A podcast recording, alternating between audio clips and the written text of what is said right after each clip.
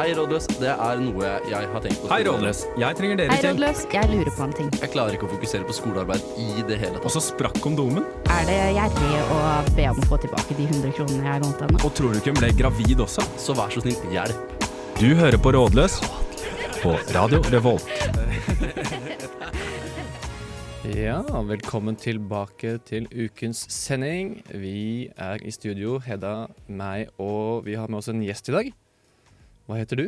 Hei, jeg heter Bente Prytz Mjølstad. Ja, og hvem, hvem er du, sånn helt kort?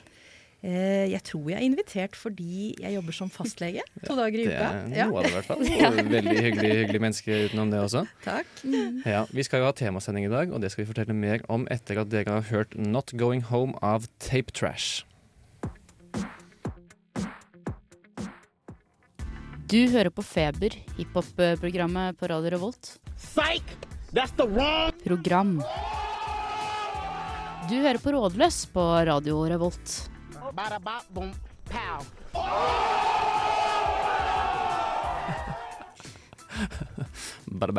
Vi er veldig glad i deg, Feber. Ja, det er vi. Men Rådløs, vi har temasending i dag. Vi har sending om kroppen, og i den anledning så har vi invitert deg, Bente. Du var jo fastlege, som du sa i stad. Det stemmer, vet du. Jeg jobber to dager i uka som fastlege ute i Malvik eh, kommune. Men jeg har egentlig hovedstillingen min på NTNU, der jeg jobber med ja, såkalt førsteamanuensis i allmennmedisin. Ok, Hva betyr det for noe? Det betyr at man får lov å undervise og drive med forskning. Og for min del da i allmennmedisin for det meste. Mm. Ja. Ja, for altså, sånn Medisinsk forskning er et ganske stort felt, men jeg har aldri helt skjønt hva man forsker på i allmennmedisin. Det, og det er et veldig godt spørsmål, for allmedisin er et kjempebredt fag. Man skal jo kunne litt om alle de vanlige tingene som, eller helseproblemene som folk har i befolkningen. Så det kan være veldig mye forskjellig. Eh, Vi har prosjekter fra alt fra svangerskapsomsorg til eh, holdt på å si livets slutt. Palliasjon. Ja. Ja. for eksempel. Er palliasjon døden? Palliasjon av døden. Mm. Lin, lindring ved livets slutt. Det er iallfall Ok. fastleger inne noen ganger, faktisk. Ja. Mm. Oh, ja. ja, det har jeg ikke tenkt over. Men det er jo sikkert sant. Når de skal dø hjemme. Ja. Ja, riktig. Ja, ja, for det blir jo bare vanligere og vanligere, gjør det ikke det? Det er faktisk en ganske sjelden hendelse sånn totalt sett. Flest dør i institusjoner, men det er noen det, ja. prosent som dør hjemme, hvor vi får det til. Mm. Men Ja. vi, ønsker, vi ønsker jo at flere skal få lov til det. Mm. Ja, at det er en ønskelig utvikling. Mm. Ja, det skjønner jeg godt. Det er veldig kjedelig å, å dø i en sykehjemsseng kontra sin egen deilig seng som man har ligget inne i 20 år. Ja, det er i og for seg sant. Deilig, da. Har du noe jern i ilden nå om dagen? Eh, nå er vi jo midt inne i å ruste oss mot eh, influensasesongen. Så vi driver Mm. og vaksinerer for harde livet, alle risikogrupper. Og nå snakker jeg om vanlig influensavaksine. Mm. Ja. Eh, vi har jo program gående for koronavaksine også, for de som trenger det i fjerde dose. Ellers så er det begynner jo luftveisinfeksjonen å komme, da. Så det er mye av det etter hvert nå. Når Mm. høsten og vinteren eh, siger på. Mm. Ja. Jeg lurer på en ting. Eh, er det smart eh, for meg, som egentlig ikke har noen underliggende sykdommer, eller noe som helst, å ta influensavaksine, eller på en måte ta influensavaksine fra noen da? Eh, du tar ikke influensavaksine fra noen hvis du går på apoteket og tar den. Ja, ok, skjønner. Ja, så de vaksinene vi har på legekontoret eh, i kommunen, de er forbeholdt risikogruppene. Mm. Så det er ulike, ulike kan du si, doser. Ja, jeg skjønner. Du tar det ikke fra noen. Nei. Nei, ok, skjønner. Mm. Så det er egentlig smart? Ja, der er det litt sånn ulike råd. Altså, vi anbefaler i hvert fall de eldste, og vi anbefaler alle med risikogrupper å vaksinere seg. Eh, og så har nok helsemyndighetene interessert i at også andre tar den. Så Men det er ikke på en måte første tingen jeg burde gjøre for egen helse, på en måte, er ikke å løpe bort på apoteket og ta meg en vaksine, på en måte. Det kommer nok til å gå greit? jeg tror du kommer til å tåle en influensa ganske godt hvis Ja. du er frisk ellers. Ja, det- Så med tanke på det. Men eh, ja, hvis du har omgang med mange syke gamle, så kan det være greit å ikke smitte andre, da. Mm. Ja. ja, det Det er er veldig sant. kjekt. Ikke spre det rundt. Nei. Det er jo eh, mye rart man kan smittes med. Det er i og for seg sant, eh, men, men jeg tror ikke jeg kommer til å smitte noen pensjonister med influensa med det første. eh, bare- tror Nei, jeg. nei, det er lenge til juleferien ennå. Ja, i og for seg sant. Ja, Mm. det er det. Ja. Har du gjort noe gøy i det siste, Hedda? Øhm, jeg har vært syk, jeg, da. Ja. Skulle du kanskje tatt den vaksinen, jeg burde egentlig det. Ja, nei, det var jo du som sa at jeg, jeg, at jeg var syk og ikke burde jobbe Ja. på lørdag da Ja, ja, vi møttes. Eh, Så, så da gikk jeg hjem og la meg. For hvis ikke så hadde jeg som vanlig hatt en jobbhelg. Så da fikk jeg lov til å ligge hjemme og være sånn um, ikke helt slått ut, men bare dårlig. Og det er noe av det kjedeligste som finnes. jeg kjeder meg, så jeg skjønner jo at folk drar ut øh, og lever livet, selv om de egentlig har feber og er smittsomme. Fordi det er ikke noe gøy og etter å ha vært inne så eh, lenge hjemme etter korona, øh, korona, og så skulle holde seg hjemme fordi man er litt syk. Eh, men det gjorde jeg, da. så Ja, det er creds, ass. ja, da, jeg føler meg mye bedre, så takk, takk for det. Ja, for men jeg det kjenner også veldig på en sånn metthet eh, på å være syk etter ganske kort stund. Altså sånn, jeg gir det kanskje en uke, og så tenker jeg at hvis jeg ikke er frisk innen da, så får kroppen bare tåle det jeg kaster på den. Altså, da er det på igjen med trening, det er festing, det er å leve livet som det skal leves. Enn en du, da har allmenntilstanden vært grei siden uh, sist? Ja, det har, den, eh, det har den absolutt, bortsett fra litt eh, den, den sedvanlige fyllangsten som, eh, som alltid melder seg etter helgens festligheter og sånt. Ja. Men ja, fin i formen utover det. Altså. Jeg har ikke kjent noe på den høstforkjølelsen enda. ennå. Det er ganske deilig. Det med fylleangst, gir det seg med årene? Nei, jeg tror ikke det. Jeg tror kanskje det blir verre. Men man blir kanskje flinkere til å porsjonere litt, eh, så man ikke havner i den situasjonen, vil jeg tro med erfaring. Ja. Men fylleangst kan man få selv om man har passert middagshøyden. Absolutt. Ja. Ja, ikke sant. Så man bare drikker sjeldnere, og da er det også sjeldnere angst. Det Ja. høres egentlig ganske fint ut. Radio Revolt er den beste studentradioen i Trondheim. Jeg hører på det hver dag. Skikkelig bra! Skikkelig, skikkelig bra saker. Jeg tenker vi bare kjører på med første spørsmål. Er dere klare for det? Jeg er klar. Ok, Da er det noen som lurer på hva er egentlig forskjellen på Botox, vippeserum, tannregulering, sminke osv.? For jeg tenkte umiddelbart når jeg leste spørsmålet at det høres jo litt sånn Hva mener du? Det er jo klart det er forskjell på det her sånn, men hvis man leser litt i det, så er det jo Det er jo litt mer her, da. Enn bare det man ser på overflaten. Eh, Jeg tenker jo Det som liksom det første man tenker på, er jo tannregulering er liksom helt innafor. Det å fikse tennene sine. og Der er det veldig stort eh, spenn. Noen får det jo dekt fordi de har så skeive tenner at de kan ikke tygge, på en måte. Mens veldig mange tar jo, eller får tannregulering bare på mer kosmetiske ting. Det er kanskje den vanligste grunnen. Og hvor går da grensen opp mot å begynne å fikse andre ting? Sant? Det perfekte smilet, de perfekte vippene, og så andre ting. Så det er litt en glidende overganger her mellom hva som på en måte tenker jeg helsehjelp og kosmetikk og ja, hvordan vil vi ha at samfunnet vårt skal være. Mm. Ja, jeg husker jeg reagerte veldig på det når jeg så på eh, Folkeopplysningen om tannhelse og sånt. Jeg har aldri reflektert over det at folk flest trenger jo ikke regulering. Det er bare noe man, man forventer at tennene skal se sånn ut, så da må vi ta regulering, og det skal staten også dekke. Mm. At folk flest skal få det, da. Ja, men samtidig så tenker jeg jo også det at um, det blir kanskje nok en ting man kan se klasseforskjeller på, da. Hvis alle som er litt fattigere går rundt med kjempestygge tenner, og alle andre har et kjempefine smil, da, så blir det jo kanskje jeg, det blir jo ikke på en måte en bra ting at man slutter å støtte alle, hvis du skjønner, hva jeg er mener? Det er jo for veldig klassisk kla klasseskille òg. Bare tenk på hvordan man eh, omtaler arbeiderklassen i England. Sånn, altså, det- der er jo stygge tenner er jo Ja. Det er nettopp det, og jeg tror ikke det hadde vært noe bedre. Jeg tror ikke at uh, norske folk er født med bedre tenner i seg selv, eller er de det? Kanskje ikke. Jeg vet Og ikke. ganske god tannhelse, faktisk. Der har det det. skjedd masse. Altså med tanke på karies, som vi sier. Hull i tennene, det Men der er det en sosial gradient faktisk også. Ja. mm. Ja, det kan jeg se for meg at jo mer man vet, jo lettere er det å ta vare på tennene sine, sikkert. Mm. Ja, At det også er litt klasseskille innad det med å bare ta vare på de til vanlig. Det, Ja. det er det Okay. Så det er ikke noe hva skal man si, genetisk miljømessig i oss som gjør at vi har bedre tannhelse enn andre. Det er liksom kunnskap og Ja, altså om det kan være genetisk sårbarhet som er forskjellig, det kan det nok kanskje være. Men, men generelt så har barn og unge i dag veldig sunne, friske tenner med lite hull. Og så ser vi at det er en sosial gradient hvor, hvor en, en gruppe i samfunnet har mye mer hull enn andre. Og det kan handle om mange forskjellige ting, tenker jeg. Mm. men vi har jo generelt en god tannhelse, i hvert fall. Ja. Skal vi være glad for. nice. Ja. Ja. men jeg tenker jo også det at um, eh, eh, Fordi nå har jeg argumentert at det er jo fint at man ikke ser så veldig forskjellig ut med tanke på hvor mye man tjener i de tingene der. Men det er også det der, og det er jo rent uh, utseendsmessig. Men eh, men jeg tviler på at leger eh, gir ut eh, resept på eh, vippeserum eh, for å få lengre vipper, selv om det kanskje er en ting folk verdsetter. da. Og hvorfor gjør man ikke det versus eh, regulering, f.eks.? Nei, så Du kan jo trekke den ganske langt, da. ikke sant? Ja. At det er veldig trist å ha korte vipper. Eh, du kan bli veldig lei deg og, og deprimert av det også. Og, og skal vi drive med det på en måte? Og unn, det er jo på en måte Ja. å understøtte også å si at eh, nei, du ser jo ikke så fin ut. og det får jo plastikkirurger litt tilbake. At at man Ja. kan være med å understøtte en dårlig selvfølelse ved å peke på, på mangler, som man gjør på en del reklamer, blant annet. Så Ja, ja, ja. Et, et sted må kanskje grensen gå. Ja, ikke sant? Ja, for bare det å innvilge altså, pengene til dette sier jo noe om at vi mener at du burde se sånn ut og ikke sånn ut. Ja, ja, ja. Mm. Uh, og, og det, det gjelder både operasjoner og det gjelder jo det på en viss grad på regulering. Og det er jo kanskje et skapt bilde av at sånn skal tenner se ut. Mm. Jeg tenker i hvert fall et godt uh, kontrollspørsmål for foreldre som, som handler hos reguleringstannlegen, er jo å spørre er dette en behandling som er virkelig nødvendig for utvikling av bitt og, og funksjon, Mm. eller er det mer en kosmetisk sak, nærmest. Eh, det kan være et godt kontrollspørsmål, tenker jeg, Mm. når man skal dit. Eh, og så er det jo store variasjoner her, da. Mm.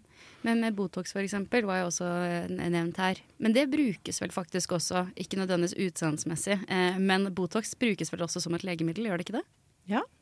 Husker du hva det var fra undervisningen nå? Au, det er jo alt hvis man skal lamme noe. Da. Altså, sånn, Ja. Hvis det er nerver som gir deg smerter i uh, ansiktet, så kan man jo lamme de sånn at man uh, får mindre vondt. Og det Mm. brukes vel også til en viss grad i migrenebehandling. Det gjør det. Som en litt Eh. sånn avansert uh, hodepinebehandling, så bruker man Botox. Mm. Ja. Eh, sånn at, eh, men det er jo også litt den samme industrien, og der er det jo i hvert fall et klasseskille.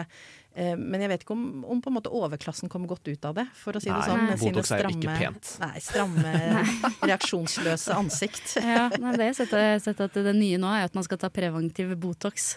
Sånn at man ikke får uh, rynker Altså, i det hele tatt. I 20-årsalderen, liksom. Ja, ja, Ja. ja. Og folk som har lært seg til at de ikke skal reagere med ansiktet og sånne ting, eh, for at de skal slippe å få rynker. Da. Så Ja. bare drive og le uten å, Ja, for uten å smile. ja, de har til og med lagd sånn sugerør sånn at du ikke på en måte tar munnen din liksom rundt nå, at du på en måte bare legger to, lepp, overleppa nedpå. Så folk, folk er gærne, spør du meg, da, men eh, Ja, akkurat når det gjelder det. Folk gjør jo så mye rart for utseendet sitt at jeg, jeg skjønner det ikke iblant. Nei, ikke jeg heller. Ja, Ofte ikke. Nei. Så kanskje konklusjonen er at det er egentlig ikke så mye forskjell prinsipielt sett på disse sakene, men vi litt sånn eh, ja, kan skape klasseforskjeller. For eksempel. Ja. Ta det med roa, for i helvete! Rådløs er på saken!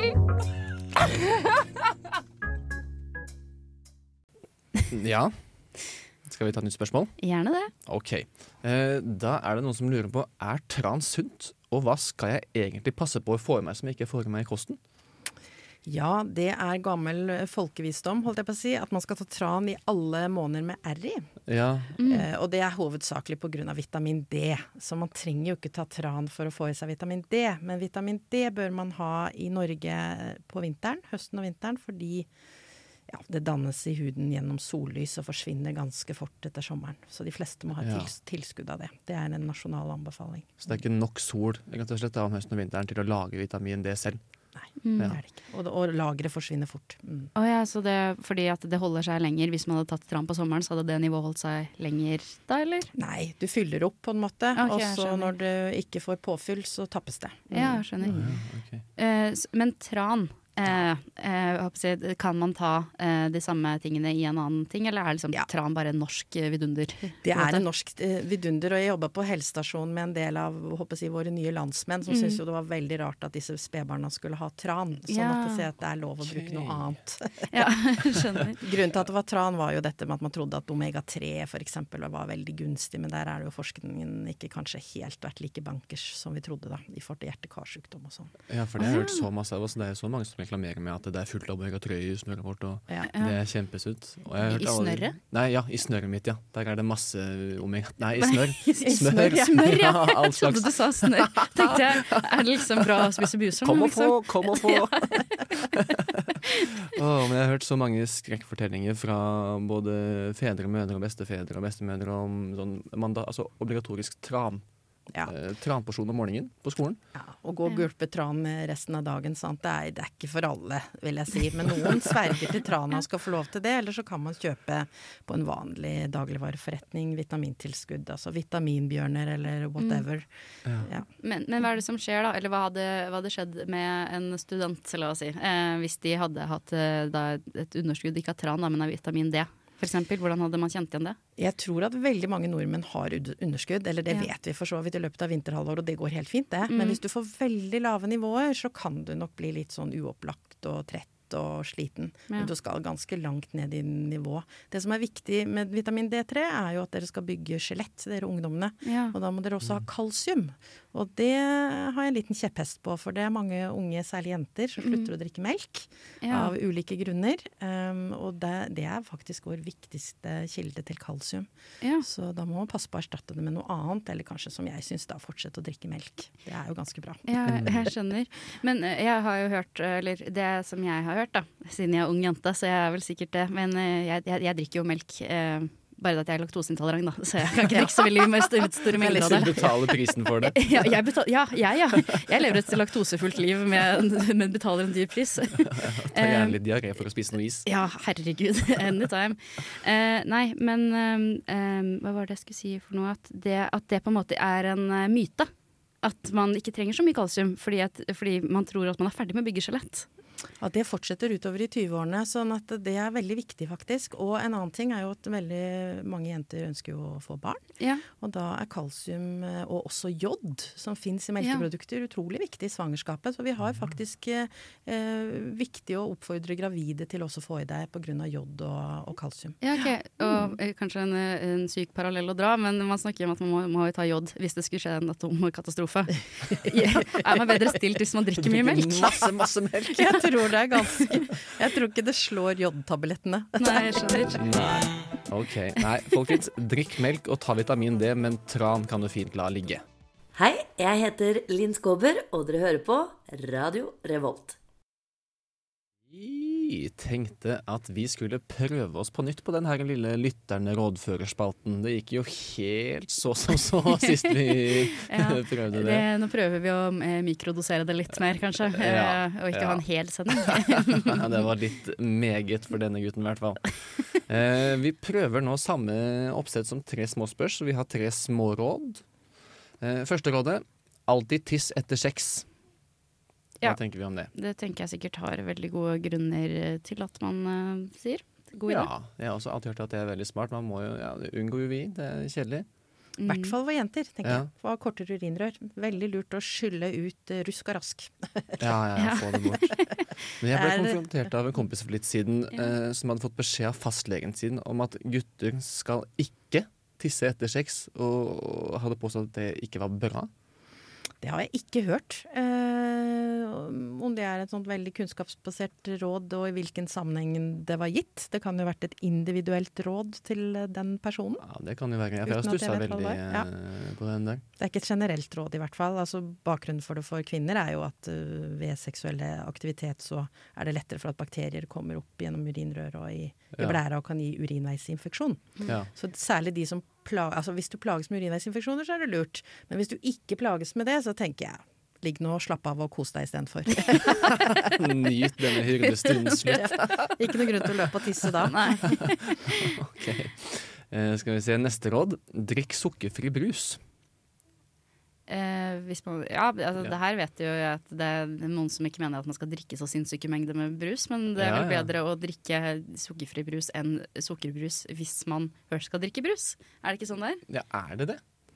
Det er jo et sånt spørsmål som igjen kommer an på mengde, vil jeg si. Hvis du er en brusdrikker som drikker eh, det som vi i gamle dager kalte lørdagsgodt, du drikker det en gang i uka, så kan du godt drikke sukkerbrus så lenge du ikke drikker halvannen liter. Eh, da spiller det ikke så stor rolle. Men hvis du er veldig glad i brus og har behov for å drikke det ganske ofte, så er det veldig mye kalorier. Eh, du klarer jo ikke å Mm, spise så mye sukker eh, som du klarer å drikke. Nei. Sånn for en del eh, får man i, meg- får i seg veldig mye, og det metter jo på et slags vis og kan fortrenge annen mat. Så da vil jeg kanskje anbefale å heller holde seg til uh, lettbrus, da. Ja, så da er det et kalorispørsmål, altså sånt Ja. inntak og vekt og, Ja. og alt det der. Uh, og så er det jo ellers er det jo bedre å drikke ikke bedre å drikke vann og sånn, da? Pleier jo alle fastleger å si. Drikk vann. jo da, men, men, men det som jeg tenker på sukkerfri brus, da. For Mm. da er det for eksempel sånn, la oss si Pepsi Max, der, er det jo, der står det jo at det ikke er noen kalorier. Mm. Eh, men er det rett og slett at man er bekymret at man drikker seg opp på det som, der hvor vannet egentlig skulle hørt hjemme? At det er dårlig? Det er jo mye vann i, i Pepsi Max også, men Ja. det man har hatt noen diskusjoner rundt, er jo kunstige sukringsstoffer. Ja. Altså søtningsstoffer, aspartam og den slags ting. Ja. Så man har lurt på hvor sunt er det å få i seg alt dette i litersvis. Eh, men jeg tror Ja. man skal drikke uhorvelig mange liter Pepsi Max for at det er helseskadelig. Ja, men Det det, tror jeg. men det er ikke helsefremmende å drikke Pepsi Max i litervis, på en måte. Nei, det er mye koffein nå, da. Så det spørs om man vil gå rundt og være ganske gira hele tiden. Ja, for jeg husker jeg så den der Et feit liv-dokumentaren eh, med Ronny Brede Aase. Som jeg, var, var ikke den beste dokumentaren jeg har sett, men de hadde en seanse der sånn, hvor de tok opp nettopp det med sukkerfri brus og hadde funnet at det faktisk det, det fucka litt med hormonene og kroppen eh, på en måte man ikke hadde sett for seg tidligere. Nei. Det er litt sprikende forskning, vil jeg si på det Jo området. da, de er er ikke enige i det hele tatt, de forskerne der. Men, men jeg tenker at hvis du Jeg tenker i et balansert kosthold, eh, så tenker jeg at brus ikke verken lett eller sukker av brus Nå kommer litt sånn formanende fastlegen her, da. Jeg tenker at Man skal kanskje tenke seg om. Og det er jo dyrt også, da. Det tenker for studenter og sånne ting. Det er- Ja, det er helt klart. Jeg kjenner Ja. mange studenter som har et helt ufattelig stort Pepsi Max-budsjett. Ja, da, jeg er sikkert en av Jeg har ikke et ufattelig stort, da. Men eh, altså, jeg drikker sikkert mer Pepsi Max enn det som Altså, null Pepsi Max er egentlig budsjettet mitt, men eh, jeg drikker mer Pepsi Max enn det. Eh, Drikker du mest vann eller mest Pepsi? Mest vann. Ja, ok, Eh, ja, men jeg syns at vann er godt. da Det er jo noen som ikke liker vann. Det kan ikke jeg helt forstå. Men, Nei, eh, det er rart. eh, men sånn er det jo. Men, men da, for eksempel, da, hvis man skal være eh, hjemme en lørdagskveld istedenfor å dra på byen. Mm. Er det på en måte, Da går man jo eh, Da skulle man egentlig drikke ganske mye øl egentlig istedenfor. Mm. Men da er det vel bedre å drikke litervis av Pepsi Max i forhold til ølet, liksom. Jeg tenker det er litt som å si at da sparer du penger hvis du handler på salg. altså, det er jo ikke, det, det er jo ikke tjent bare fordi at det hadde gjort det mye verre hvis du drakk ut. Nei, drakk ut, drakk ut, du stakk ut. Eh, Jo da, men jeg vet ikke helt, jeg. Prøver bare å stå på mine brussøstres eh, barrikader her og Men, men nei, OK. ok, La folket drikke brus. Ja, det er min fanesak. Ja, men helst- tror man skal kose seg litt òg, det tror jeg faktisk er viktig. Så man må ikke Ja, bli for sant. streng heller, da. Nei Det da. er veldig, veldig sant. uh, ja, Kos deg iblant, men drikk hovedsakelig vann. Eller melk. Eller melk. Helst melk, kanskje. Litervis med melk på lørdagskveld istedenfor. oh, det hadde vært gøy for deg Ja, det hadde vært artig, Da blir søndagen artig. Jeg vet ikke om man pleier å bli eh, sånn baklaktosefull, Nei, nei, men det var eh, ikke bakfylla jeg tenkte på her. Det var bare tiden du skal tilbringe på toalettet dagen Ja. etterpå. jeg tror man bruker det timen etterpå, jeg. Ah, ok. Jeg vet ikke åssen jeg kan være laktoseintolerant. Jeg er veldig tolerant for laktose. Og mitt navn er Martin The Lepperød. Du hører på Radio Revolt.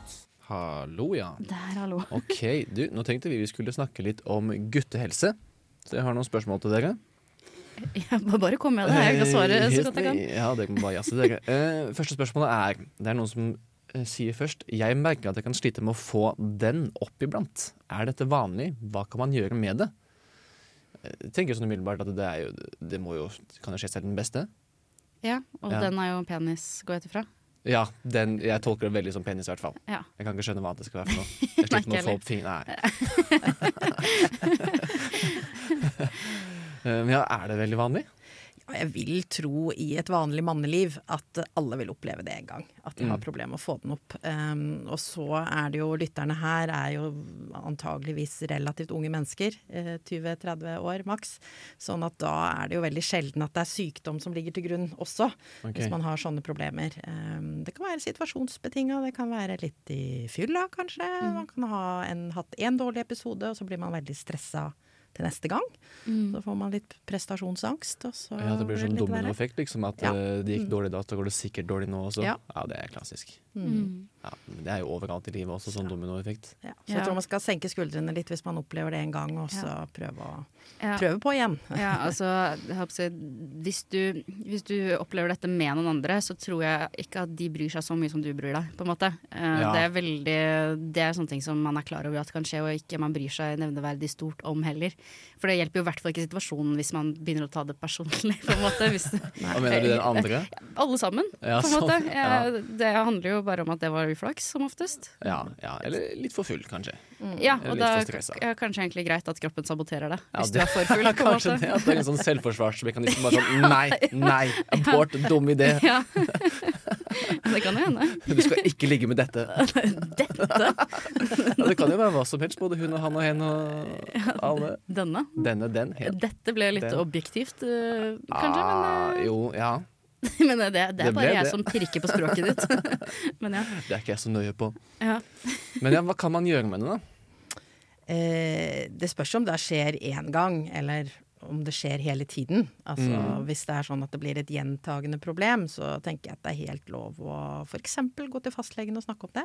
Eh, det som er viktig å tenke på, er jo om på en måte utstyret fungerer ellers. Altså Mm. har du morgenereksjon, eh, får du den stiv hvis du onanerer, altså virker den på en måte når du har Ja. lyst. Ja. Eh, for ofte så kan det av og til også være lystproblematikk inni at, man, det, at det skal virke penisen og reise seg. Det henger jo sammen med at man har lyst til å ha sex også. Ja. Så At man ikke man får så bli tent da, med, Ja. med partneren, rett og Ja. Mm. Og det kan jo være forskjellige ting. Men jeg tror jo at man, hvis man først havner i senga med noen, så har man jo utgangspunktet lyst, da. Så Ja. Jeg håper det, eller ta det som et utgangspunkt. Også det du sa om å ikke ta det personlig, syns jeg var veldig fint. Ja. At man kan være litt sånn kul som, eh, som partner òg, da. Hvis man opplever at den andre får et sånt problem, og tenke at det er mer uflaks noen ganger enn at man trenger å ta det personlig. Så kan man ha litt humor i situasjonen, og det hjelper jo ofte, da. Ja, ja, kanskje Der gikk den, liksom. ja. Men Der gikk Der gikk ikke. lyset. ja. Ja, jeg får bare stappe, da. Ja. Nei, OK, jeg har et spørsmål til, jeg. Ja. Eh, hva skal man gjøre når man ryker strengen? Nå tenker jeg man mener strengen på eh, undersiden av penishodet. da. ja, Det, er vel er kanskje min største frykt her i livet. Ja. Å ikke den. Jeg har hørt en skrekkhistorie fra en kompis som hadde ligget med noen på fylla. På Mm. doen til et utested. Og så var han jo ganske bedugget selvsagt på tidspunktet, og han eh, merka ingenting. Men så bare ser han plutselig at det er masse blod overalt. På gulvet, på trusa hans, på trusa hennes. Nei. Og så går han ut og sjekker den, så har den da røket strengen, selvsagt. Det slutter jo ikke å blø. Nei. Så han må jo bare pakke dopapir rundt penis, ta på trusa og gå hjem. Så mummi, liksom. Ja, mummipenis. Ja. Ja, fordi det er vel ikke Det kjennes vel ikke? Ja, Eller gjør det det? Det vet jeg ikke, det har ikke skjedd med meg, men jeg vil jo tro man skal kjenne det. Hvis Altså, det. I kampens hete med mye adrenalin, så kan det jo være, om man er litt full, at man ikke får det med seg. Det er jo mye som foregår der nede. Eh, men han fikk jo et ganske tydelig tegn, da. Og her måtte det jo være en litt, litt større skade når det blør så mye, tenker jeg. Men å få rifter, eller at på en måte det blir eh, små avrivninger, det er nok ikke så uvanlig. Og da tror jeg man skal tenke på det som en en vanlig sårskade som kommer til å tilhele. Og så må du kanskje beskytte utstyret en stund, da, og ikke vente litt til neste gang til å la det gro og la det få fred. Ja. Ok, Fordi den sniker seg sammen og setter seg fast på en måte igjen? Ja, altså det gror jo sammen igjen det vevet der, på en måte. Så det er vanligvis ikke når Hvis vi snakker om de vanlige sånn små avrivninger, eh, så kan man jo ha større uhell hvor man faktisk Man kan faktisk brekke penis. har jeg vært borti, men eh, Ja, tilbake. sånn det er min største mareritt. Da skal man mer sånn type lande eh, mellom to senger, som var det jeg var borti da. At man falt med erigert penis. Jeg falt på den, jeg lover. Ja. Da kan det bli Men, men det merker du. Det går ikke deg hus forbi. Nei. Så da skal du nok på legevakt. Ja. Ja. Men hvis man da har, eh, har en Altså strengen ryker, så trenger du ikke å gjøre så veldig mye med det, da? Eller? Nei, du må stoppe blødningen når, når penis er erigert. Jeg vil jo tro at den faller ganske fort sammen etterpå, da. At når du får ubehagelig og vondt. Men Ja. altså komprimere, ikke sant, så blødningen stopper. Um, Ja. Og så må man jo observere litt hvor stor skade det er, da. Ja. Men veldig ofte så går det fint, altså. Ok, Så man trenger ikke på en måte ringe til ambulansen hvis det skjer? Jeg, jeg tror Som- ikke man det er trenger det. det. Det er en ting man kan se hvis blødningen stopper, så, og man får det til å se mer ut som en sårskade, så ja, skal litt til at det er noe som skal, skal sys. Men hvis det er en veldig stor rift, så ja, det er jo alle varianter her, da. Så det blir Ja. noe som andre sårskader på et vis. Mm. Ja, skjønner. Ja. OK, Nei, skal vi kanskje runde av den her sånn? Hvis ikke du får den opp, så går det som regel fint. Bare ta det rolig og vær kul på det. Og hvis du ryker strengen, så går nok det fint, det også. Ja, Ja. ikke sant. Her får dere Seven Hours featuring Neon Ion av Board Bag. Lock on, lock the screen some more. I, I Trondheim så banker vi MDG-ere. Du hører på Rådløs på Radio Revolt. Vi må vel snakke litt om eh, kvinnehelse også? Jo da, Ja. Da har jeg et spørsmål til dere. kjør på. Vi ser, da er det noen som har sendt inn Jeg merker at jeg er et helt annet menneske når jeg ikke står på prevensjon. Samtidig så opplever jeg et slags press for å bruke prevensjon. Fins det egentlig noen god grunn til å stå på hormonell prevensjon, og hvorfor kjenner jeg meg så annerledes når jeg slutter? Det her har jeg hørt veldig, veldig mange si. At man kjenner seg annerledes på prevensjon? Ja, ja. Ja, nei, det, det kan jeg skrive under på. Jeg har ikke, jeg, personlig har jeg ikke funnet noe som funker for meg. Uansett hva som er, så kaster det meg ut av balanse på, på, og på sånn måte at man blir lei seg og nedfor og sånne ting, og dramatisk for ting som man ikke hadde vært dramatisk for i det hele tatt. Og så merker man det ikke heller, fordi det kommer snikende innpå før du slutter. Ja, ja når sånn, du står på det, ja. ja, ja, så du må liksom slutte for å forstå det, og da er det på en måte sånn, ja. Og det er litt liksom kjipt det òg, for dette har du på en måte Det er jo vanlig at man liksom skal tilvenne seg kroppen i sånn tre måneder eller noe sånt, før det på en måte skal jevne seg ut. Så da har du liksom tre måneder du må gjennom som en slags ildprøve. Og så hvis det på en måte er greit den siste måneden, så er det sånn at hvis jeg slutter nå, og så finner jeg ut at det var ikke så ille likevel, og så må jeg begynne på nytt igjen, på en måte, så Ja, ja, ja, At aldri slutter. Og bare Ja. tenk så mange av oss som har vokst opp med å stå på prevensjon gjennom hele puberteten og alt sånt, og ikke kjenner til hvordan de faktisk er eller har det uten prevensjon. Hvis det er sånn da, at man er så annerledes eh, når man ikke står Ja. på det. Men jeg, tror det sikkert avhenger litt fra person til person òg, da. Jo, Eh, jo. Nå nikker det- eh, fa- fastlegen det, er jo, det faller man jo alltid tilbake på når det kommer til sånne ting. Men jeg skal ikke si at jeg er den som er eh, jeg tror ikke jeg er den som har det verst, jeg tror ikke jeg er den som har det best heller. Jeg tror jeg er midt mellom. Ja, er midt imellom. Men ja, er det, får dere mye spørsmål om det? Ja, veldig mye spørsmål. Eh, og der er det jo på en måte vi, vi vet jo sånn eh, for den store Det man har gjort av undersøkelser, er at de fleste prevensjonsmidler i dag er relativt godt eh, tolerert, faktisk. Ja. Og så er det en del som opplever eh, bivirkninger, eh, Mm. og som er i den gaten som du beskriver her. ikke sant? Mm. At de føler seg annerledes, de føler seg deprimerte, eh, humørsvingninger. Eh, og, og dette er jo ting som er liksom vanskelig av og til å finne ut. Er det tablettene eller, eller p-stavene, eller er det, har det sammenheng med det? Mm. Eller har det ikke sammenheng med det? Og da har vi en sånn gyllen regel i medisinen, og det er jo at hvis man starter med en medisin, og, og plagene kommer helt i tilknytning til det, Mm. og du tar bort medisinen, og plagene blir helt borte, Mm. så kan vi jo ofte sånn i, i common sense og litt sånn praktisk hverdag i hvert fall si at det kanskje har sammenheng. Mm. Og så er det det som er fint med prevensjonsmidler, er at vi har veldig mange ulike typer å velge mellom i dag. Vi har både kombinasjonspiller, vi har piller som har stabilt innhold av hormoner, vi har langtidsprevensjon med veldig lave mengder hormoner. Og, og det jeg har lyst til å si, er at for, for jenter i den aldersgruppa som lytter på her nå, så er det utrolig viktig å ha prevensjon. Ja. Hvis man ikke vil bli gravid, da. Eh, Ja. For man må jo stille seg det spørsmålet. Hva er eh, viktig? Altså er det veldig, veldig viktig å ikke bli gravid? Så skal man tenke nøye gjennom det med prevensjon, tenker jeg. Eh, Og det alternativet som, som ikke har med hormoner å gjøre, er jo vi bruker en del kobberspiraler Ja. igjen. Og så er det kondom, da. Ja, Mm. fordi problemet da, eh, spør du meg, når det gjelder akkurat kobberspiral, for det er jo en lett løsning, virker det som. Mm. Eh, men den er jo ikke så veldig lett løsning når man har eh, sterke menssmerter. For Den er ikke vel- anbefalt, da, faktisk. Nei, ikke sant. Så for eksempel hvis man har sterke menssmerter og blir skikkelig nedfor på, på prevensjon, så virker det litt som at alt sammen blir et tap-tap-prosjekt. Ja, og det er klart da må man jo gjøre individuelle tilpasninger og, og velge hva som er viktigst for en, på en måte. Men jeg tenker at for veldig mange unge i dag, eh, som man kanskje, som jeg opplever i noen diskusjoner vi har, er at det der med å, å bli ufrivillig gravid, det er en kjempestor belastning Ja. for de aller fleste. Ja. Eh, Sånn på gjennomsnittsnivå, vil jeg si. Og så er det variasjoner der også. Men det å, å ende opp i en situasjon hvor du f.eks. må ta en abort, det, det er, vet vi også en del om, ikke sant. Ja. Så, så det er noe med å prøve seg fram, og jeg syns vi har en god erfaring med å prøve å skifte og prøve å, å finne andre løsninger. Eh, og det tror jeg man skal være ganske lydhør for uh, som helsepersonell, at det er sånn. Mm. At en del har de, de, eh, de opplevelsene. Eh, Men jeg ser jo den andre sida, og det er ufrivillig svangerskap. Og Ja. man vet jo fra Danmark, hvor det var en stor studie som viste på dette med langtidsprevensjon, at man mente å finne på danske kvinner eh, at, eh, at man ble deprimert. Og det gikk ut i media, så var det veldig mange som slutta med prevensjon, og flere ble gravide ufrivillig. Ja, og det er vel eh, Man glemmer jo kanskje det at det er jo sikkert en emosjonell påkjenning, det også. Eh, og, Det er det for de fleste. Ja, og Mm. det å måtte ta abort også, det, det virker kanskje som en Eller for, for min del, da, så, som sett utenfra, så ser jeg for meg at det er ikke på en måte noe jeg har måttet ta et standpunkt til, og dermed så kan jeg ikke helt se for meg hvordan det er heller. Nei, Eh, tror- Dermed tenker man at sånn, ja, ja, det, skjer, det må man kanskje, men så er det egentlig veldig mye kjipere. Mm. Jeg tror sånn på, på sånn gjennomsnittsnivå, som jeg sier, på gruppenivå, så er det en opplevelse de fleste egentlig ikke ønsker seg. Nei. Men så har vi jo heldigvis et godt system i Norge for det, med selvbestemt abort. Eh, Mm. Sånn at jeg tenker at det er en, en del av et ansvarlig eh, voksenliv å sørge for at man har prevensjon, og så må man prøve å velge mellom de typene som som fins. Og hvis man ikke kan slå seg til ro med noen av de Mm. eh, prevensjonsmidlene for kvinner, så har man jo i hvert fall kondom. Så man må være, og da må man tenke gjennom hvordan man bruker den kondomen, Ja. pleier jeg å si. Den må være på hele tiden. Ja.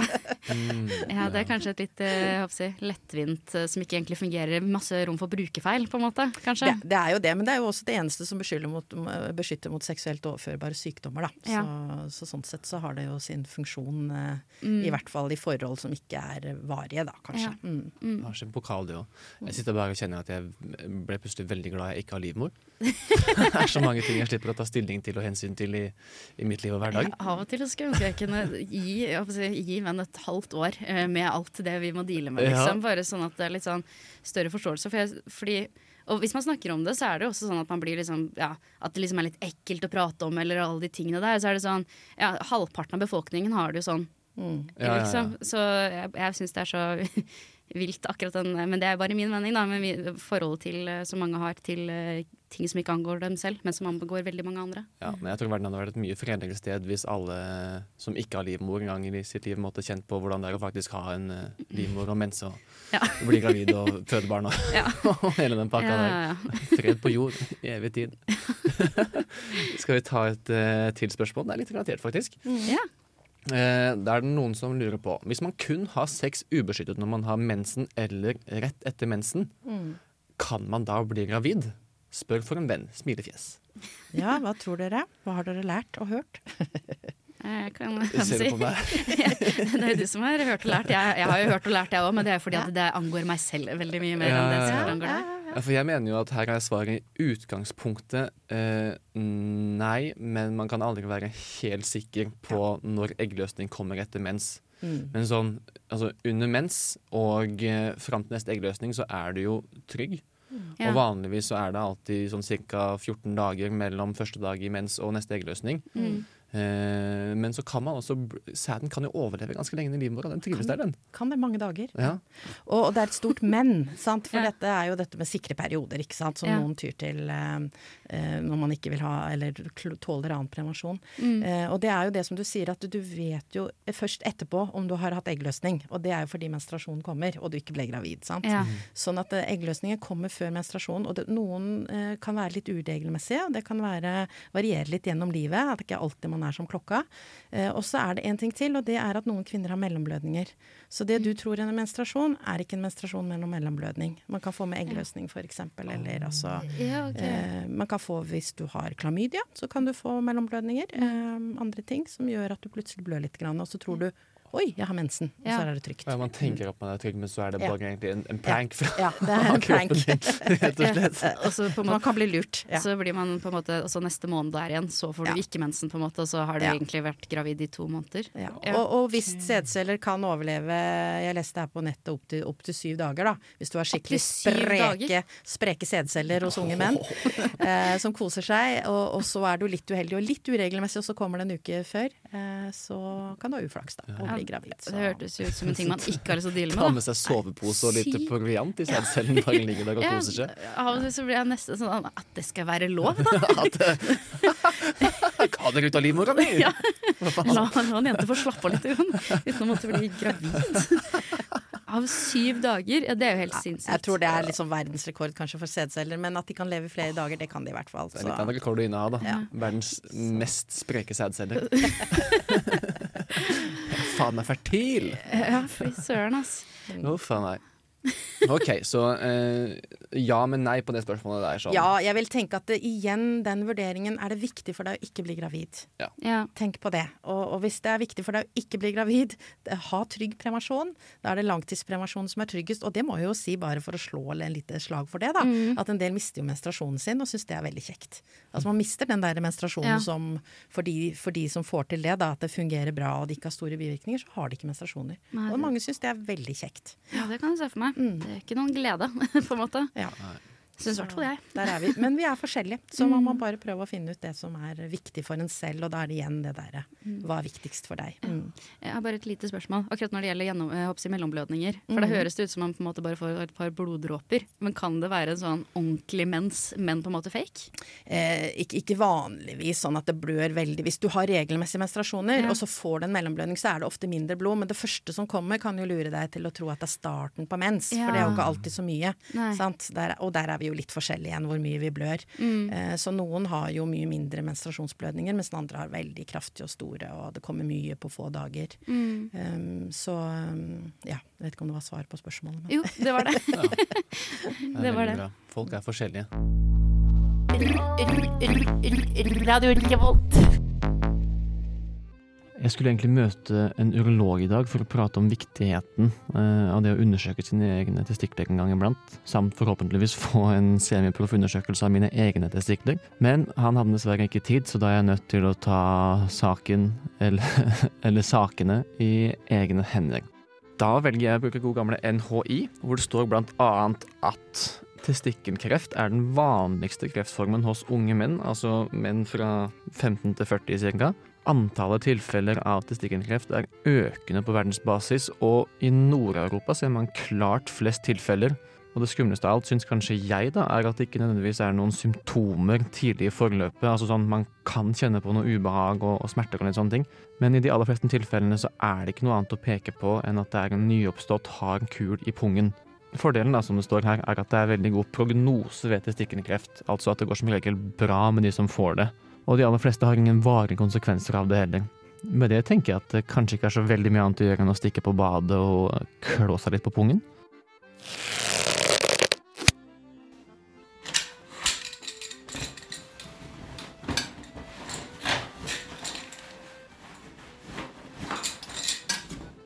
Ja, ok.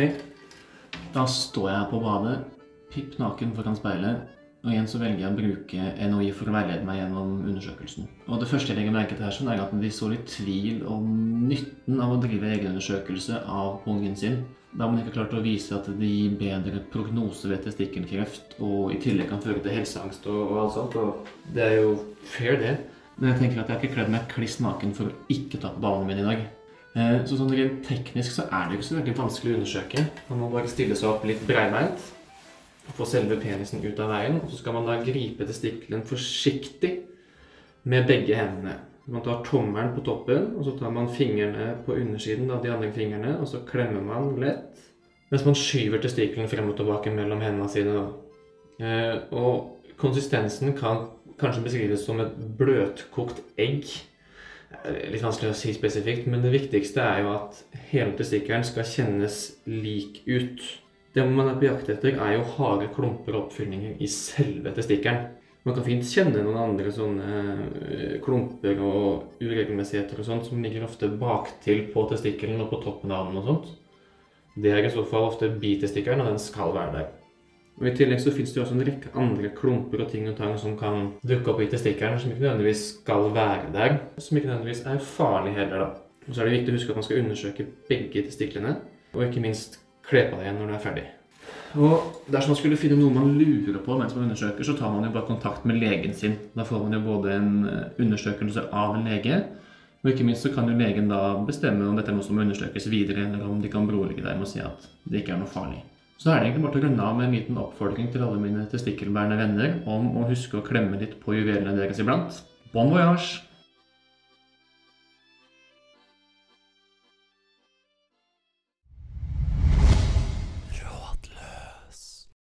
Nå skal jeg straks bort og prate med en eh, kirurg på St. Olavs, som skal fortelle meg litt mer om hvordan man sjekker eh, brystene sine for brystkreft. Og det er jo kanskje ikke så relevant nødvendigvis nå, men jeg føler jo at eh, det er viktig å lære sin egen kropp å kjenne. Og spesielt med tanke på at du er kanskje ikke gammel nå, men det skal du bli. Og da er det greit å vite hvordan din kropp er nå, og rett og slett bare bli kjent med den. Det er jo også en feministisk sak da, for min del, jeg som er feminist, at man skal jo eh, kjenne sin kropp. Eh, og det er jo det jeg håper at eh, vi kanskje blir litt bedre på nå. Etter denne lydsaken her. Og i hvert fall kjenne våre egne bryster.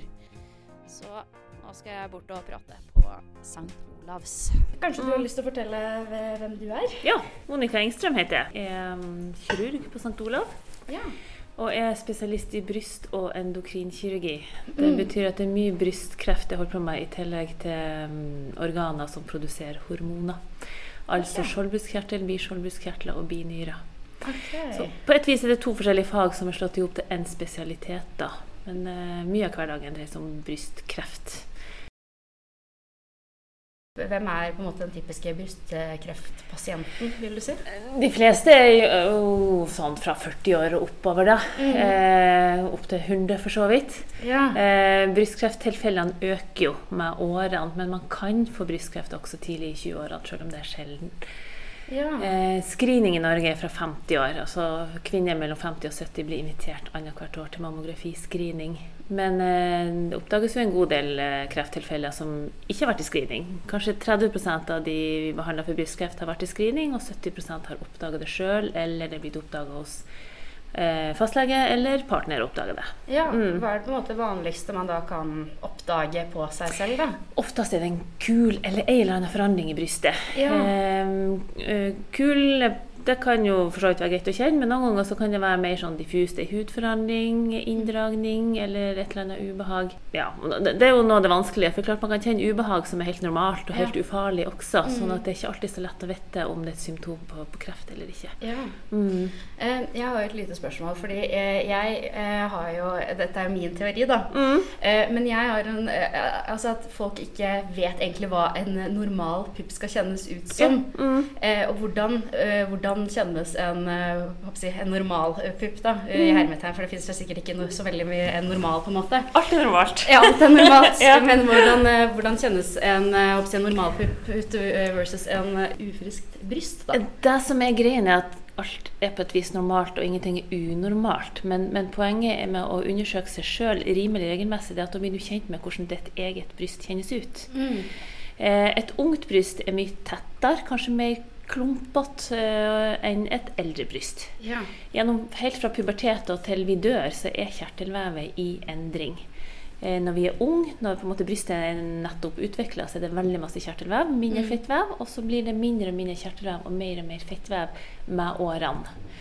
Eh, svangerskap og amming forandrer også brystvevet, sånn at det hele tida er sånn der, eh, forandring. Ja. Eh, og derfor er det store variasjoner også, hvordan et bryst skal Mm. kjennes ut. Et ungt, tett bryst kan være på en måte bare som, som et tett bryst, eh, mens et, et eldre bryst er mye mjukere, og, og du på en måte kan kjenne strukturene på en annen måte. Mm. Så poenget er, er å bli kjent med seg sjøl, bare tørre å kjenne etter Ja. hvordan eget bryst er. For da vil du sjøl oppdage det lettere enn enhver doktor kan gjøre det. Mm. Hvordan gjør man det på en best mulig måte? Mm, Ja, det er litt ulikt. eh, Hvis folk spør meg, pasienter spør meg, så vil jeg anbefale at man ligger på rygg. Eh, løfter opp eh, den ene armen godt over hodet, sånn at du strekker brystet på en måte langs brystveggen. Og så bruker du den andre hånda til å bare klemme gjennom hele brystet og kjenne at du er gjennom hele. Du bare kjenner overalt overalt i Mm. brystet, sånn rimelig systematisk. Og så bytter du hånd, og så strekker opp den andre hånda. Poenget da det er at du får du klemt på en måte veven ned mot et hardt underlag, og da vil det som eventuelt skulle skjelle seg ut og kjennes litt annerledes ut, vil være lettere å oppdage. Ja. Ehm, er ikke det vanskelig hvis du har ganske store pupper, Jo, det er det. Mm. Så det, det, det der med å flytte armen litt og dytte på, på, på brystet. Noen foretrekker å undersøke seg sjøl når de er i dusjen og kanskje har litt såpe på, for det er Ja. litt glattere. Mm. Eh, og da kan du også stå på en måte bare rett opp og ned, og klem brystet ditt mellom, mellom hendene Ja. og få eh, på en måte kjent gjennom kjertelvevet Ja. på den måten. Så man må på et vis um, prøve seg litt frem og så kjenne hvordan, hvordan som funker best for den enkelte. Og hvis man oppdager da at noe ikke er helt som det skal være, Mm. hva er det man skal gjøre for noe da? Snakk med fastlegen. Bli henvist til ut, eh, utredning. En ny kul skal utredes. En ny kul i et ungt bryst er som regel bare en godarta kul, men Mm. en ny kul skal utredes. Og Da gjør man mammografi og ultralyd og tar eventuelt prøve hvis det er nødvendig. Ja. Hvis man har vært til utredning for noen år siden og har kulen der og kjenner godt og vet at den er der, så trenger man ikke å tenke noe på det. Man trenger ikke å fjerne fjerne av kula, men en ny kul bør eh, undersøkes. Jeg skjønner. Mm. Men det er jo egentlig ikke de vanskelige heller. Altså når det er en kul og det man vet at det er nytt, så er det ganske greit å oppsøke lege. Det som er vanskelig, er hvis det er endringer som man er litt mer usikker på. Ja. Og da, det kan f.eks. være hvis du er litt usikker på om brystet er litt tettere enn det har vært, eller litt sånn eh, at du lurer på om noe endrer seg. Mm. Da kan det være lurt å bare vente litt, undersøke seg sjøl etter to-tre uker og kjenne om det endrer seg. For da er det jo de sykliske forandringene som kanskje kan være litt lur. Mm. Mm. Eh, men eh, sånn et kvinnebryst eh, nå, nå kan det hende at jeg bare tar finner på mine egne fakta, men jeg tror jeg har lest et sted at det endrer seg jo litt gjennom syklusen og sånne Ja, ting. det gjør det. Ja, Mm. så, så det er kanskje smart å kjenne på eh, brystet på forskjellige Mm. tider i syklusen, sånn at Mm. ikke du rett før du får mensen blir kjempeoverraska at brystet er annerledes, eller? Det er jeg enig. Eh, oftest er det jo tettest midtsyklisk, altså rundt eh, eggløsningstidspunktet er det Ja. vanligvis tettest, også frem til menstruasjon, og så blir den gjerne litt mjukere igjen når menstruasjonen er i gang. Eh, så det kan være lurt å velge seg et sånn rimelig fast tidspunkt. Du trenger jo ikke unge damer nødvendigvis undersøke seg sjøl en gang i måneden, men Nei. når de undersøker seg at det er sånn rimelig samme sted i syklus, da, sånn at det er litt lettere å kjenne igjen. Mm. Mm. Eh, du nevnte noe med hudforandring i stad. Hva hva er en hudforandring på brystet? Det kan være utslett, eller det kan være inndragning. At man på en måte ser som et sånt søkk. Det bør man reagere på. Det kan være brystvorte som har endra utseende. At den fra å være sånn som før, at den blir inndratt og blir stående inndratt. Ja, At den peker innover istedenfor Ja, utover? da? ja. Mm. Hos noen er det jo innover normalt, og da er det ikke Mm. noe problem. Men, men hvis noe endrer seg, så, så bør man si ifra. Mm. Eh, utslett eller sår som ikke gir seg, eh, særlig hvis det er nært eh, brystvorteområdet, så, så bør man reagere på det. Okay. Det er ikke så vanlig, men det skjer. Mm. Er det rundt brystvorta man skal være ekstra obs, eller? Ja, i forhold til sånne hudforandringer, i forhold til utslett, ja. Ja. Eh, Inndragning kan, kan komme hvor som helst. Ja. Mm. Eh, for, eh, man skal også, fordi eh, det eh, vevet ligger vel ikke kun på brystet, det kan vel også strekke seg opp i armhulene? Yes.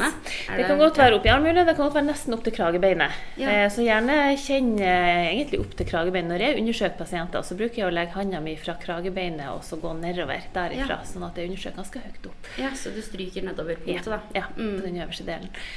Og du har helt rett i at det er ganske mange som har ganske mye kjertelvev også opp mot armhula. Det varierer litt fra, Mm. fra kvinne til kvinne, men det er ganske vanlig, så det er fint å kjenne etter der også. Mm. Og da er det også på en måte mm, eh, kuler i armhulen? Kula, ja. ja. ja.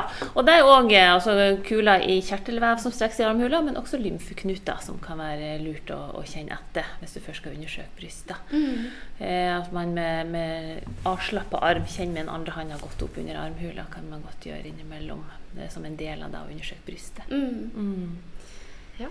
Det, var, jeg, tror det egentlig var det man har å, som jeg lurte på. hvert fall. Ja. Har du et uh, siste råd uh, til Ja. eh, de som skal gå gjennom hele livet med brystene ja, jeg tenker jo at det er altså, Som sagt, brystkreft er veldig sjelden når man er helt ung, men det kan være lurt å bare lage seg rutiner og bli vant til å kjenne etter når man er ung, for da har du den rutinen når man blir eldre og risikoen øker. da. Mm.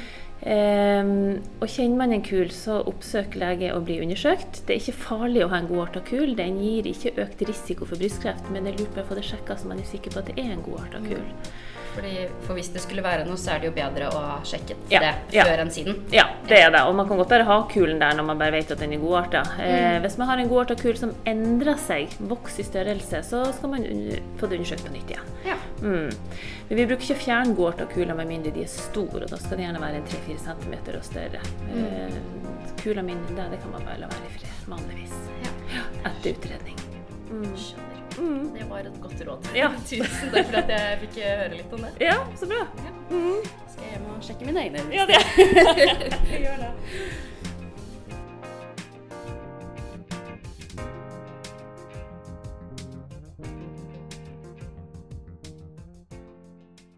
Det smerter meg stort at de som hører på lufta nå, ikke fikk høre Tre småspørs-jingeren. Men det er altså det vi skal gjøre nå. Ja, jeg beklager det. det er en sånn internvits her, sånn. Det er en jingle til det stikket her, sånn som jeg. Den er så dårlig at den er veldig bra, syns jeg i hvert fall. Ja, det, du har en forkjærlighet for Ja, den. jeg den Eh, jeg jinglen. har jo ikke det. Jeg kan se om vi kan få spilt den, da, men da tar det, Nei da, det tar litt eh, tid. vi klipper det inn, så de som lytter på podkast skal få gleden av det. Ja. Vær så god.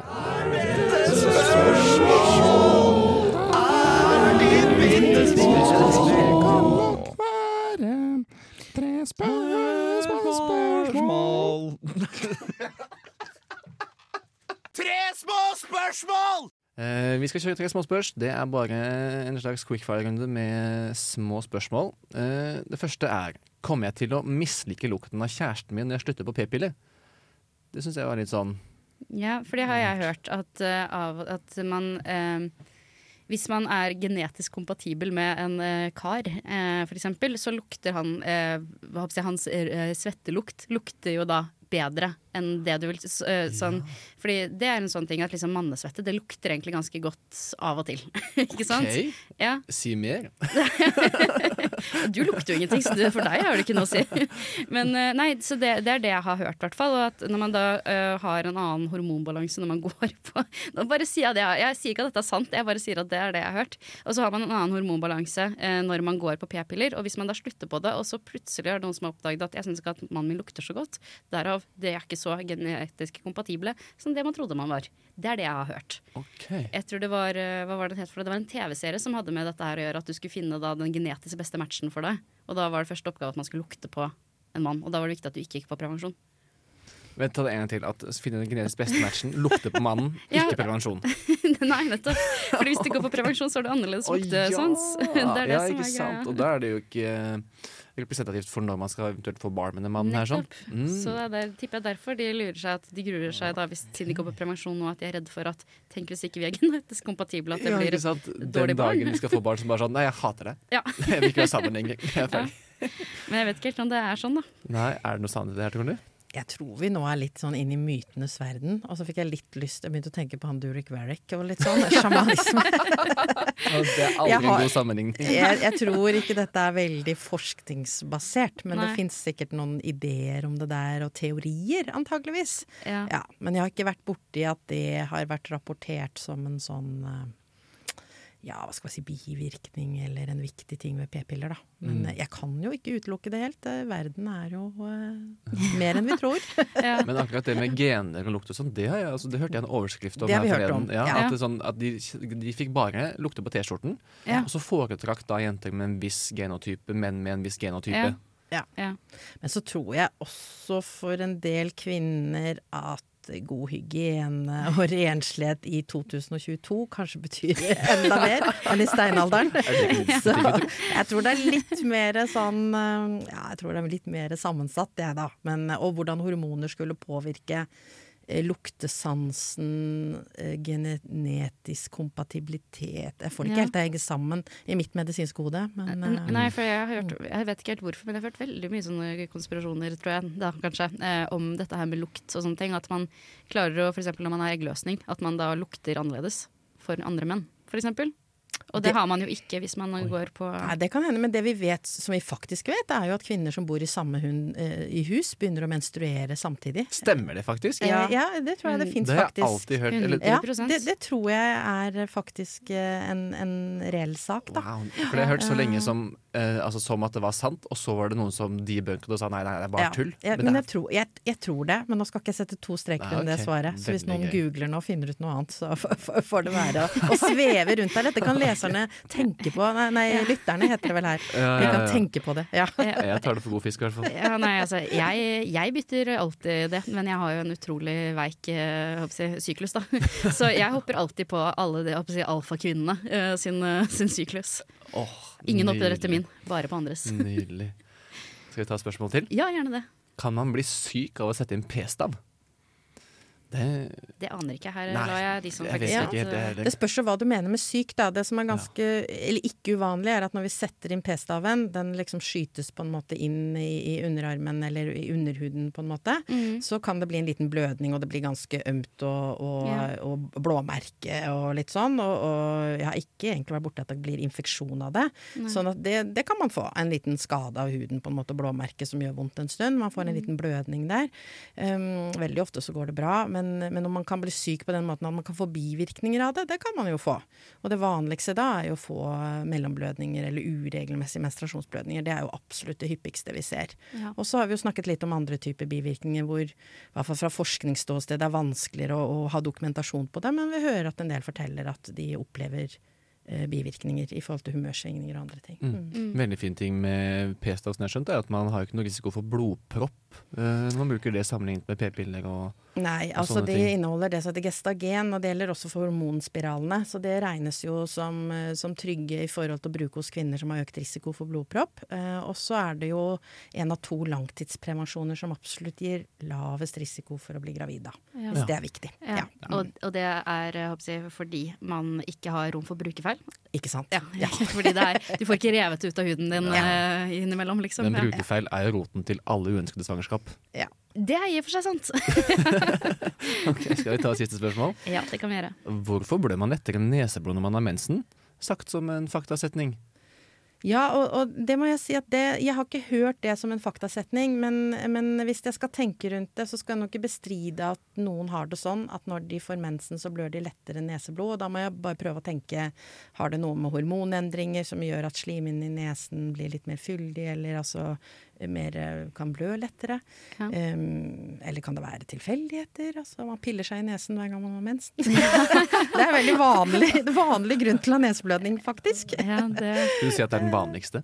Jeg vil si at det å, å pille seg og lage småsår og da Mm. begynne å blø, få en skorpe som river seg opp, det er kanskje den vanligste årsaken. Så alle de som sier at de burde masse neseblod, det er egentlig bare ekle nesepillinger? Nei, det, uff, dit vil jeg heller ikke gå. Vi har, noen, vi har noen som blør spontant, som må til en sånn ørnes-halslege og så svi av, som vi sier, med blodkar. Så Ja. det er det noen som har for sånne kjempeblødninger.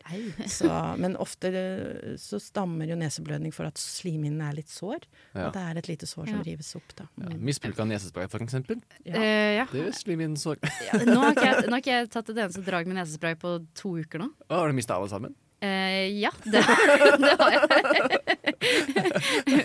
Vi har en litt intern eh, joke på at jeg er avhengig av nesespray. Uh, men jeg bare uh, Og med grunnen til at jeg, jeg er litt sånn usystematisk, så jeg mister alltid nesesprayene mine, og da må jeg slutte. Fordi jeg har ikke råd til å kjøpe at hun kan ikke bli avhengig fordi hun bare mister ting. Jeg, jeg hadde aldri klart Jeg hadde aldri klart å være avhengig av røyk, for jeg tror ikke jeg hadde klart å holde den vanen lenge nok gående til at jeg hadde fått det til. ja. artig.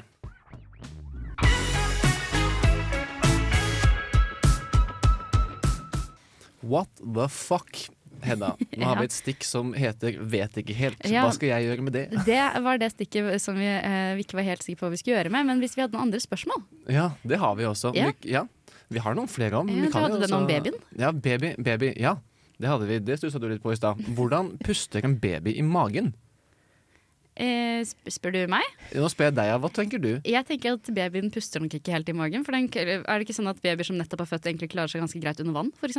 Det har jeg hørt, i hvert fall. Eh, I forhold til at de er mye flinkere i vann enn det man skulle tro. Ja, jo, det er sant. De har noen sånne reflekser som gjør at de ikke drukner like lett, Ja, i hvert fall, og som eh, voksne. Ja, og de sånn- har vel kommet fra et sted, da. Eh, Ja, det er måte. At de, det er vel en fordel at den ikke kan det i magen siden det slutter på et tidspunkt. Ja, jo det kan man jo si. Men så jeg tror kanskje lytteren lurer på hvordan, hvordan er det babyen får oksygen og, og alle sånne godsaker når den er inni magen til moren. Ja. For da kan den jo ikke puste. Ja, og da tipper jeg på at det den får nok ikke oksygen som at den, altså, Jeg går ut fra at vi, når vi puster, så, så er det vel kanskje ikke bare oksygen vi inhalerer, eller? Er det det? For det skilles vel ut Jeg vet ikke. jeg får bare finne på ting. Jeg rasjonaliserer det. Nei, jeg bare, så man puster vel inn, og så filtreres det man trenger inn, og så siden man puster ut. Eh, ja, det er sant, men det må jo komme til barnet på et vis, da, for det kan jo ikke de- Ja, de men kan jo eh, ikke puste og jeg vet jo at oksygen går vel rundt i blodet, gjør det ikke det? Mm, Nå er det inne på noe. Ja, det pumpes eh, via hjertet ut i Ja. Og så hvis man får mangel av oksygen, så får man blod Nei, sy, sånn, hva er det for noe sånn syre...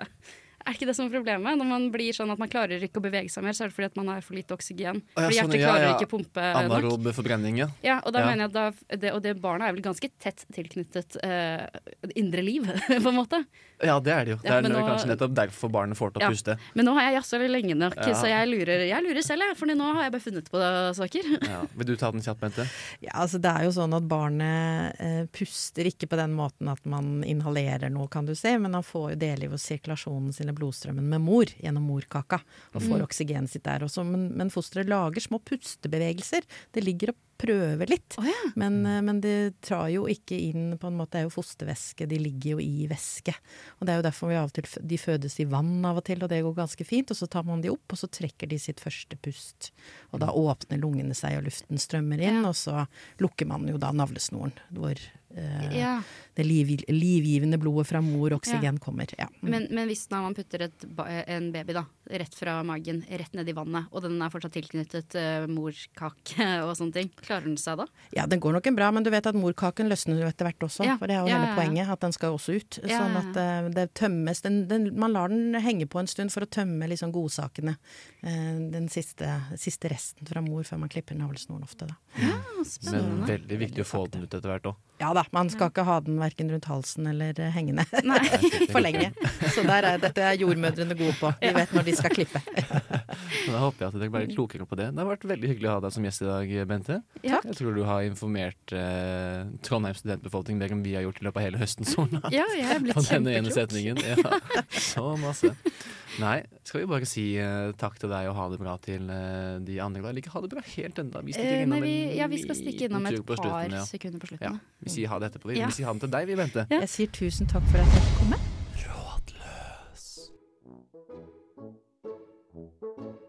Ja, dere er på vei igjen nå ennå?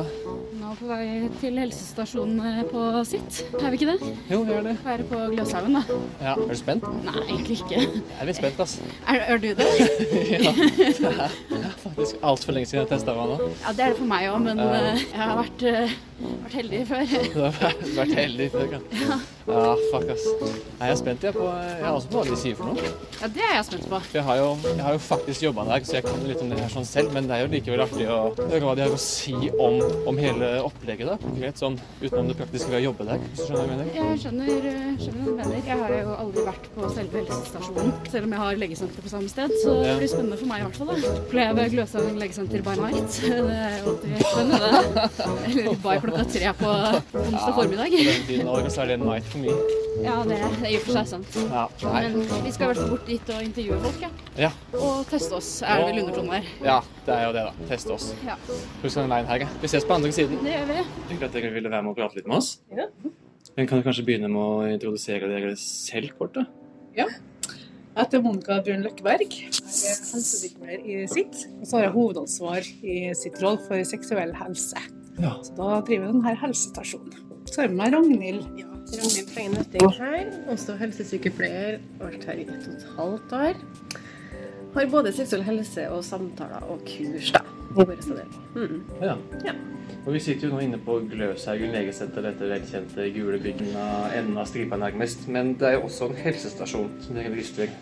Hva er det helsestasjonen tilbyr? På legesenteret her, hver onsdag så tester vi kjønnssykdommer. Ja. Og det er kun det vi gjør her. Så har vi også et tilbud på campus da, som går på seksuell helse. Det er mer sånn én-til-én-samtaler.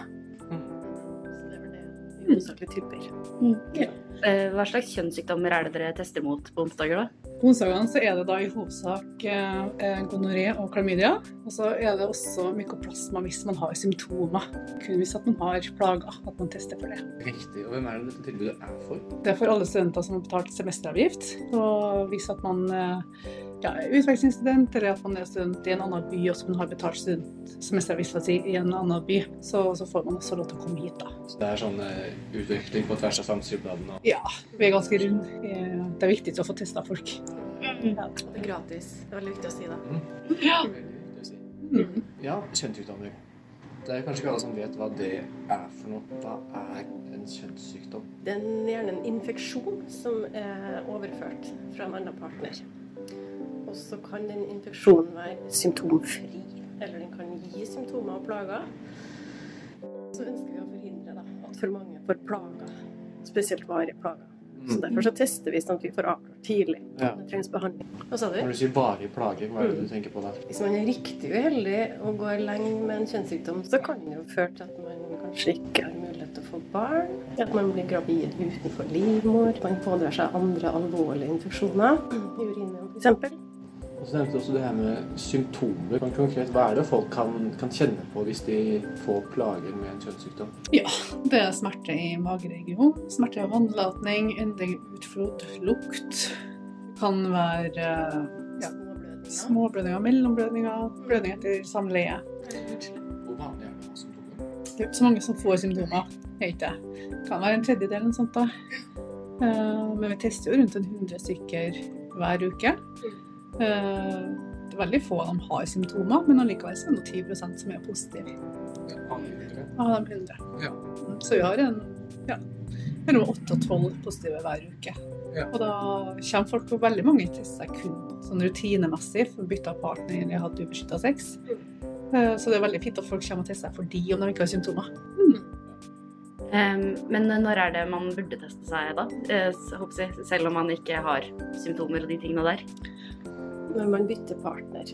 Hver gang? Altså, ja, hvis man har hatt ubeskytta sex spesielt, da. Ja, okay. Da er det lurt å teste seg. Ja, for det er jo noe med at hvis du først får vite at du har en kjønnssykdom, spesielt i det dere tester for, så må man jo ta kontakt.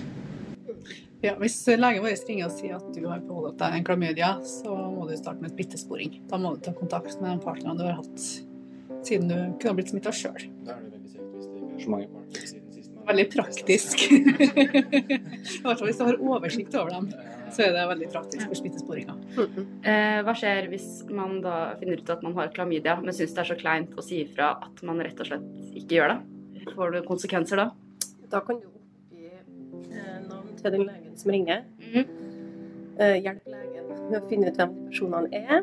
Så kan det, eller helsepersonellet ta kontakt med de det gjelder. Må man si ifra når eh, man potensielt smitte, har smittet noen?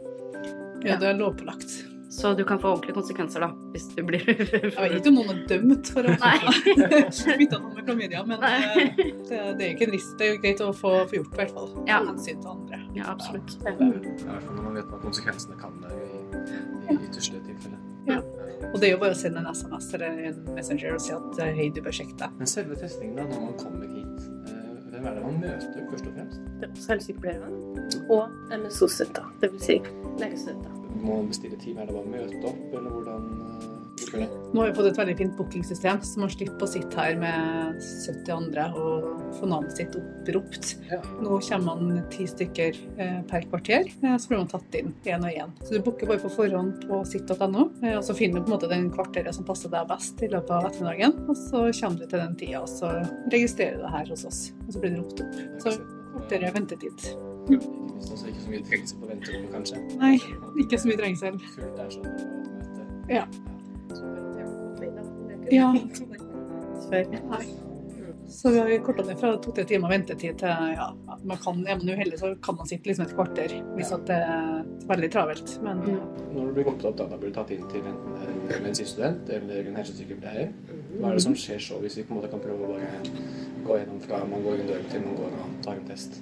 Da tar vi en liten, sånn, eh, en liten konsultasjon, da. Vi går litt igjennom eh, om det er som er grunnen til at de ønsker å teste seg, hvem de har vært sammen med, om det har vært dame eller mann, hvilken type sex kan være greit å vite. Ja, hvorfor er det relevant? Jo, fordi at hvis man har hatt både anal- og vaginalsex f.eks., så må vi kanskje teste på to steder, ikke bare ett. Mm. Og så, ja, så sa jeg kanskje ja, hvem har du hatt sex med noen gang? Så er man jo litt usikker på bakgrunnen til den man har hatt sex med. Eh, kanskje en person som ikke er fra Europa, f.eks. Da Ja. kan det være nyttig å ta utvida test, f.eks. Eller at vi kan gi i hvert fall anbefalinger og råd om det. da. Ja, at det er andre ting man har sjekke på i tillegg til klamydia og gonoré, da. Ja. ja, minst to uker siden eventuell smitte, det, det er også viktig. Eh, Og guttene som skal ha en urinprøve, må være minst en time siden de har tissa. Mm, Så gir vi litt instruksjoner om hvordan testen gjennomføres, for guttene har jo urinprøve og jenta marginal. Eh, Så gjennomfører man jo testen sjøl i, i eget rom. Eh, Så registreres det. Hva er en eh, vaginalprøve? Da er det en sånn lang q-tip sånn, som du kjenner igjen fra koronatida. En sånn som du da pleide å få i nesen. Den fører da opp eh, vaginalt. Eh, snurrer litt på den og tar den ut av knekken og putter den opp i et glass. Og så blir det sendt inn til St. Olav. Men det er jo blitt veldig, det er veldig enkelt og lettvint. Heldigvis. Jeg har hørt hvordan testene foregikk i gamle dager, og det høres mye mer ubehagelig ut enn det vi gjennomfører i dag. Ja, det er for mange som er litt sånn nervøse tror jeg, for hvordan testingen faktisk foregår. Altså, så Ja. q-tips opp i pikken og eller hva. Ja. Ja, og må man, får man gå, det er bare for å gå på et eget rom, eller må man stå for helsepersonell og gjennomføre det her? Det, det, ville vært skrekken min. Jeg? Så, så nei, det, det er veldig ufarlig å komme hit, da. Ja. Det er det. Det er veldig intelligent. Ja, vi koser oss nå veldig. Så det er ganske fort gjort, da. Ja. Jo være redd for grue egentlig. Nei, og vi er jo fullbooka flere uker fram i tid, og det er jo 100 stykker her i uka, så det er jo en populær tjeneste. Så man skal ikke være flau for å komme hit, for det er veldig mange andre som benytter tilbudet òg. Ja, hit. Ja. De er ja. Det er nettopp det altså. Sånn besøksstatistikken de siste årene også? Har det vært en økende trend til testing, eller er det en fat avtagende? Nei, vi har jo måttet økt opp kapasiteten. Vi er jo sprengt på kapasitet, så vi driver jo og sjekker ut hvilke andre muligheter vi har også. Eh, I forhold til selvtest, samarbeid med Trondheim kommune, sånne ting. For at vi har sprengt kapasitet. Vi får ukentlige mailer av folk som er frustrert og ikke kommer inn når de ønsker. Eh, Så det er vanskelig å måle hvor mange som ikke får komme inn til oss. Eh, Så vi har jo ja, Statistikken vår peker jo stadig oppover fordi at vi utvider kapasiteten. og Nå har vi ikke flere kontorer å utvide med, på en måte. Har vi ikke. Så jeg tror det er kanskje det som stopper oss nå, da. Så vi, vi jobber jo med på en måte, hvordan kan vi utvikle det her til å treffe enda flere studenter på en lettest mulig måte. Man skal jo egentlig teste seg eh, ikke så fort, men to uker etter at man har hatt uskifta sex med en ny person. Eh, men fins det noen grense for hvor langt tilbake i tid det gjelder? Er det vits å teste seg hvis man lå med en person for et år siden f.eks. og har vært symptomfri og har det ganske fint? Noen infeksjoner kan jo gå over av seg sjøl, men vi har ikke noen sånn grense tilbake i i tid. Nei. Det har vi ikke. Ja, så stort sett så vil det jo være de neste seks månedene, på en måte. At det er mest gjeldende med en sånn infeksjon. Men, men vi har jo også de tilfellene hvor man har gått med en infeksjon over lengre tid. Så hvis du er litt usikker, så kom nå heller og test det. Selv om det er ett år siden. Vi, vi spryter jo bare av folk som kommer hit òg, uansett. Noen er jo litt flaue når de kommer og sier at ja, nå er jeg liksom, skal teste meg for tre-fire måneder siden. Så sier at ja, men dere er jo her nå. Så det er jo ja. Heller en gang for mye. Bedre sent enn aldri. Ja, ja. ja. Det er ingenting å skjemmes over. Jeg lurer på hva skjer hvis du har fått eh, Hvis du viser seg at du har klamydia, hvordan får man beskjed om det? Eller, eh, eller noe annet? Først så får du da en SMS, for testene kommer tilbake hit. Det tar vanligvis ei uke før vi har testene. Mm. Hvis vi alltid gir det to uker til studentene, sånn i Mm. tilfelle at det skulle være forsinkelser. Mm. Eh, hvis du har en positiv prøve, så får du først en SMS. Mm. Har du en negativ prøve, så får du, hører du ingenting. Nei, okay. Eh, Da får du en SMS hvor det står at legen tar kontakt med deg eh, onsdag mellom fire og sju, så man vet når det er lurt å være litt tilgjengelig. Mm. Så ringer legen vår og gir elektronisk resept per telefon, så man slipper å komme tilbake til helsestasjonen. Så nice. Kanskje vi skulle teste oss, da? Ja, for eksempel. Det skal jeg gi meg hjertelig velkommen til å gjøre. Så bra.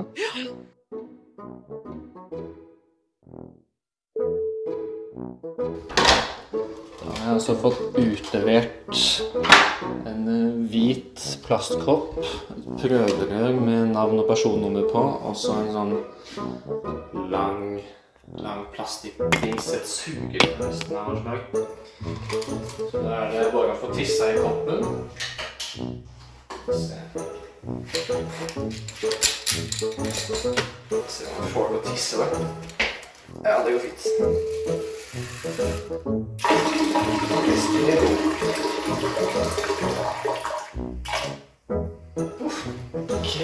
Da har som en kopp med gull, og så er det bare å sette plastikkrøret nedi, og så stikke på det, det. Så skal det bare fylles med tisset mitt. Så er det bare å ja, ta med seg det røret med tiss tilbake, og så er du ferdig. Ja, da har jeg fått uh, utlevert en prøve hvor det står mitt navn på. eh, eller ikke prøve, da, men et prøverør-type ting, ser det ut som. Og en lang q-tips som jeg da skal føre opp i skjeden uh, så langt det går, og røre rundt. Så da skal jeg gjøre det nå. Sånn, da skal jeg bare åpne her. Skal blokke på den. Og så skal vi knekke av denne q-tippen. Sånn, og putte den oppi. Der, ja. Og så skrur jeg lokket igjen. Sånn. Sånn. Nå er jeg ferdig. Det tok hele ett minutt.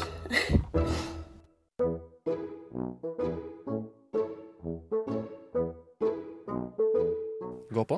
Ja. Kan vi ikke det? Det kan vi gjøre. Ja, jeg syns det har vært det. Ja, det har vært en lang, lang sending med mye innhold. dag! Ja, det er så mye i dag. Ja, herregud. Er det sånn det er å være lege? Åh, ja, jeg håper ikke det. da holder jeg ikke lenge. Men uh, Ja. ja. Vi var jo testa oss. Vi var jo testa oss. Ja, skal vi, skal vi- vise frem? Skal vi bare gjøre det? Nå Ja, blir det okay. tommel opp og tommel ned. Ja, tommel opp. Hva er det som er tommel opp? Tommel opp er positiv test, okay. og tommel ned er negativ okay. test. Tre, to, én. Skal vi si det? Ja, da kan vi si det. Ja, ingen av oss har klamydia. Ingen av oss har klamydia. Fuck yeah. Vi finner oss på Heidis neste helg. Ja. Og vi bruker ikke kondom. boom, boom. Vi snakkes eh, neste uke, folkens. Takk for oss her på Rådløs. Ha det bra. Du har lyttet til en podkast på Radio Revolt, studentradioen i Trondheim. Sjekk ut flere programmer på radiorevolt.no.